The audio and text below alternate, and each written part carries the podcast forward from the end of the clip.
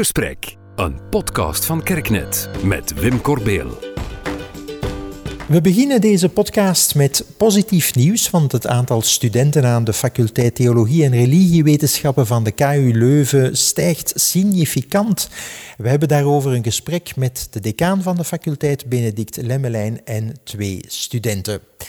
Mevrouw Lemmelijn, ik begin met u. U bent decaan van de faculteit. Wat houdt dat precies in? Een decaan is eigenlijk iets als de directeur in een school. Is de eindverantwoordelijke voor het bestuur. Dat wil zeggen, tekent een richting, een koers uit waarin in dit geval de faculteit wil varen. En houdt dan eigenlijk uh, vinger aan de pols ten opzichte van de concrete realisatie van dat wat wij noemen een beleidsplan.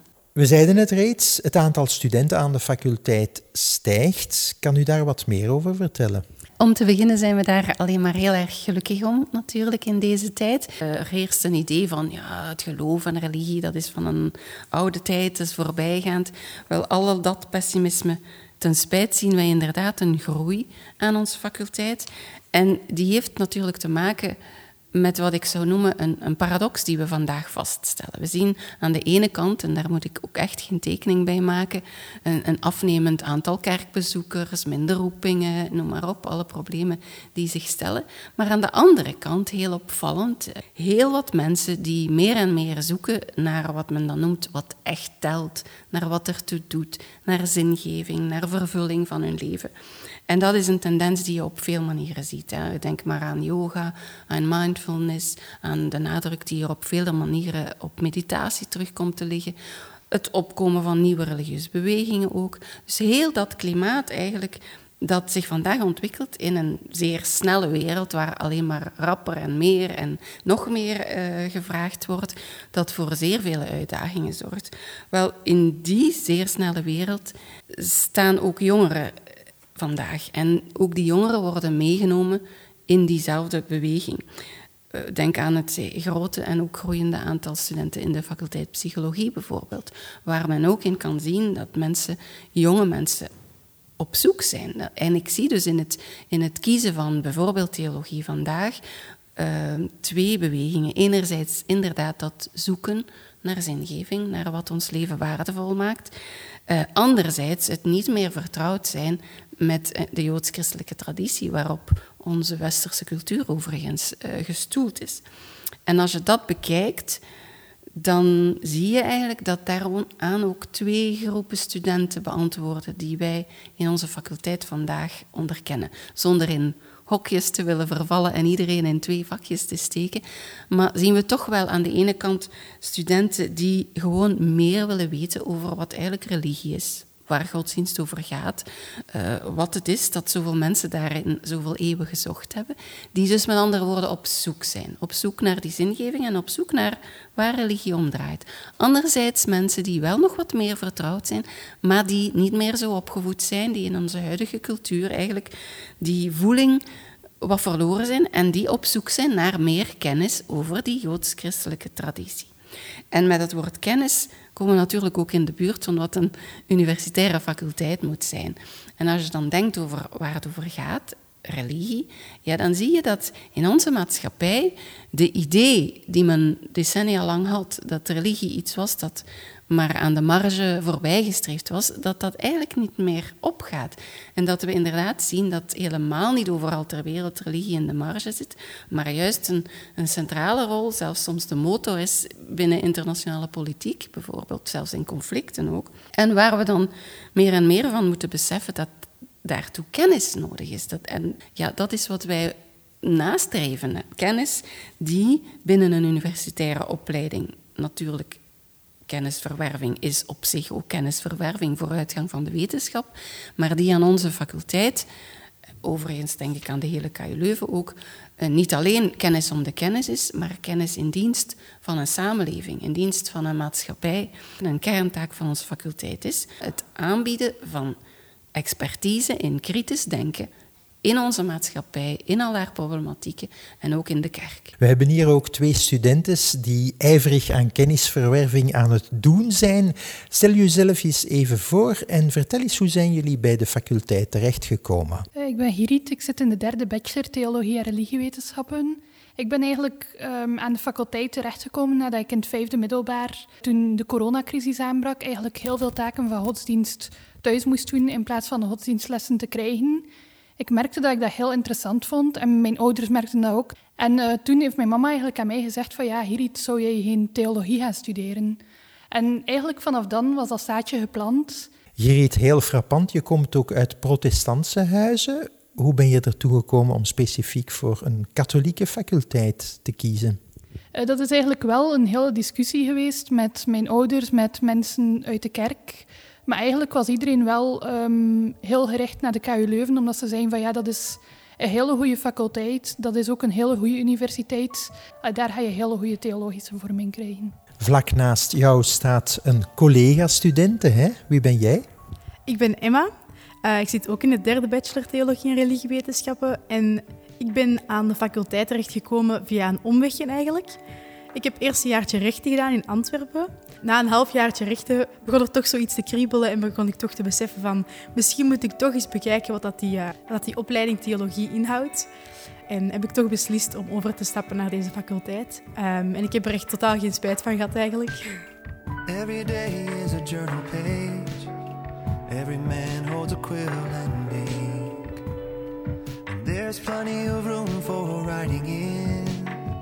All we do and believe and think. So will you compose a curse or will today bring the blessings?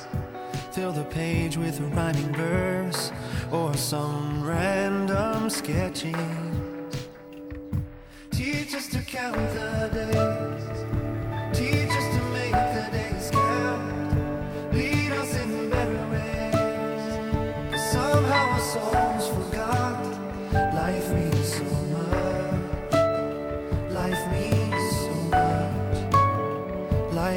So much.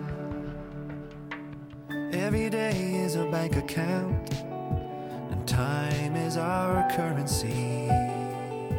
So no one's rich, nobody's poor. We get 24 hours each. So how are you gonna spend?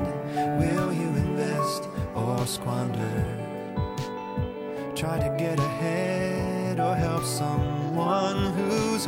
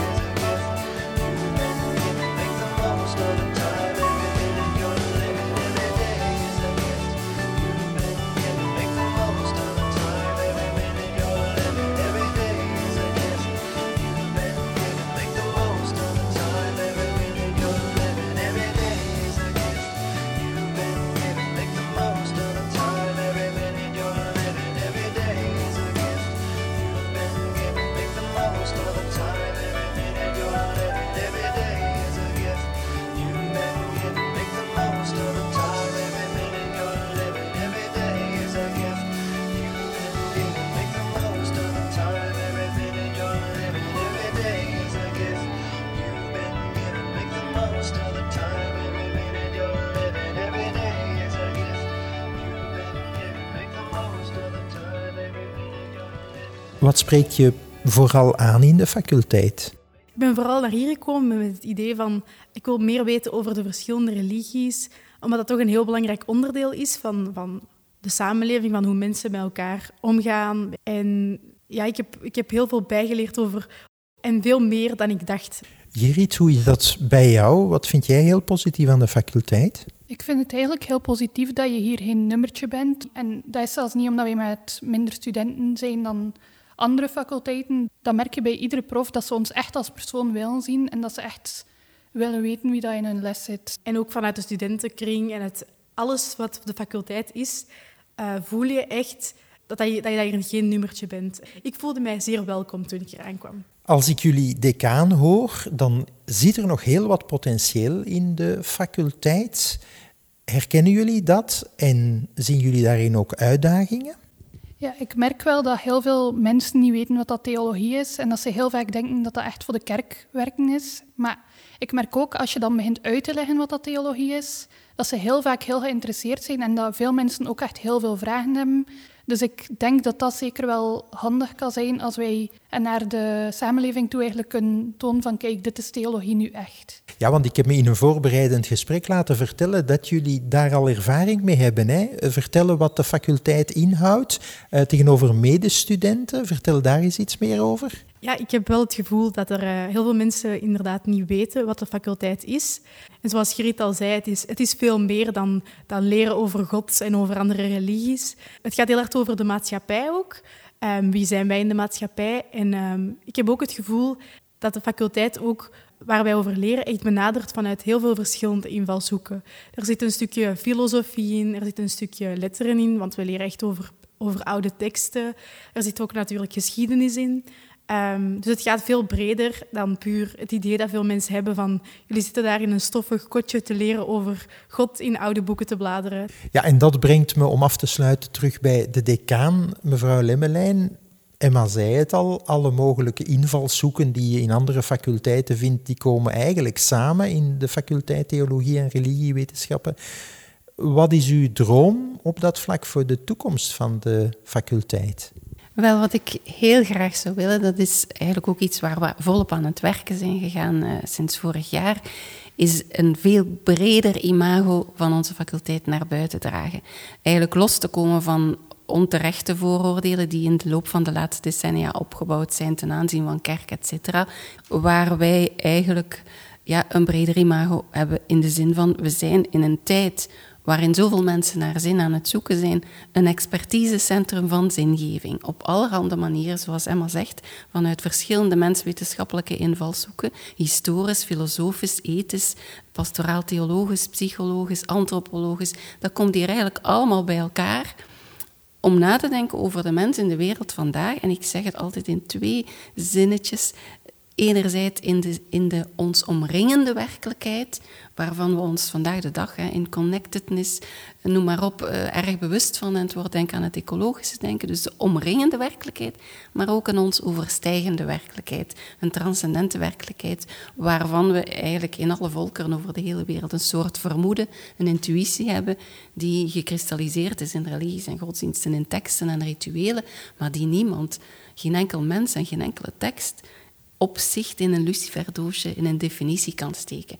En dat zoeken is oneindig boeiend, maar is ook oneindig breed. En op die manier heeft dat in een hedendaagse maatschappij, die juist daarnaar op zoek is, heel veel te betekenen. En dat is wat we met studenten als Emma en Gerrit en alle anderen die hier overigens uit meer dan 70 verschillende landen, eh, we hebben een hele Engelstalige opleiding ook, eh, wat wij samen met de bestuursploeg, met het professorenkorps, met onze administratie en met al die studenten trachten waar te maken. Dag aan dag, een beetje bij beetje. Jullie zijn goed bezig, hè? want de cijfers geven jullie gelijk. In alle richtingen van jullie faculteit is er zowaar een stijging vast te stellen. Hoopt u dat die stijging zich de komende jaren verder zal doorzetten nog? Dat zou heel mooi zijn. Hè? Dat is inderdaad waar. De stijging verdeelt zich over al onze richtingen.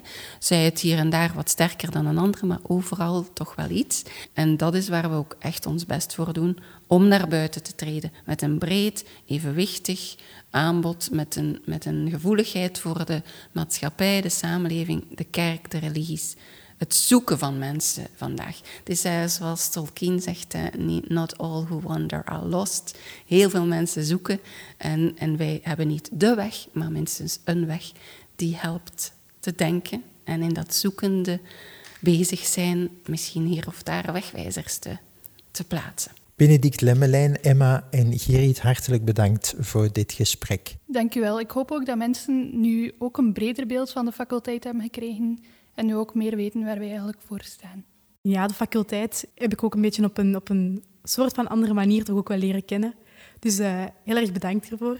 Heel veel dank uh, voor de kans voor dit gesprek, uh, wat op zich weer bijdraagt aan ons naar buiten treden en hopelijk mensen kan inspireren om eens een kijkje te nemen waar wij voor staan. Je luisterde naar het gesprek. Reacties en tips zijn welkom op wim.kerk.net.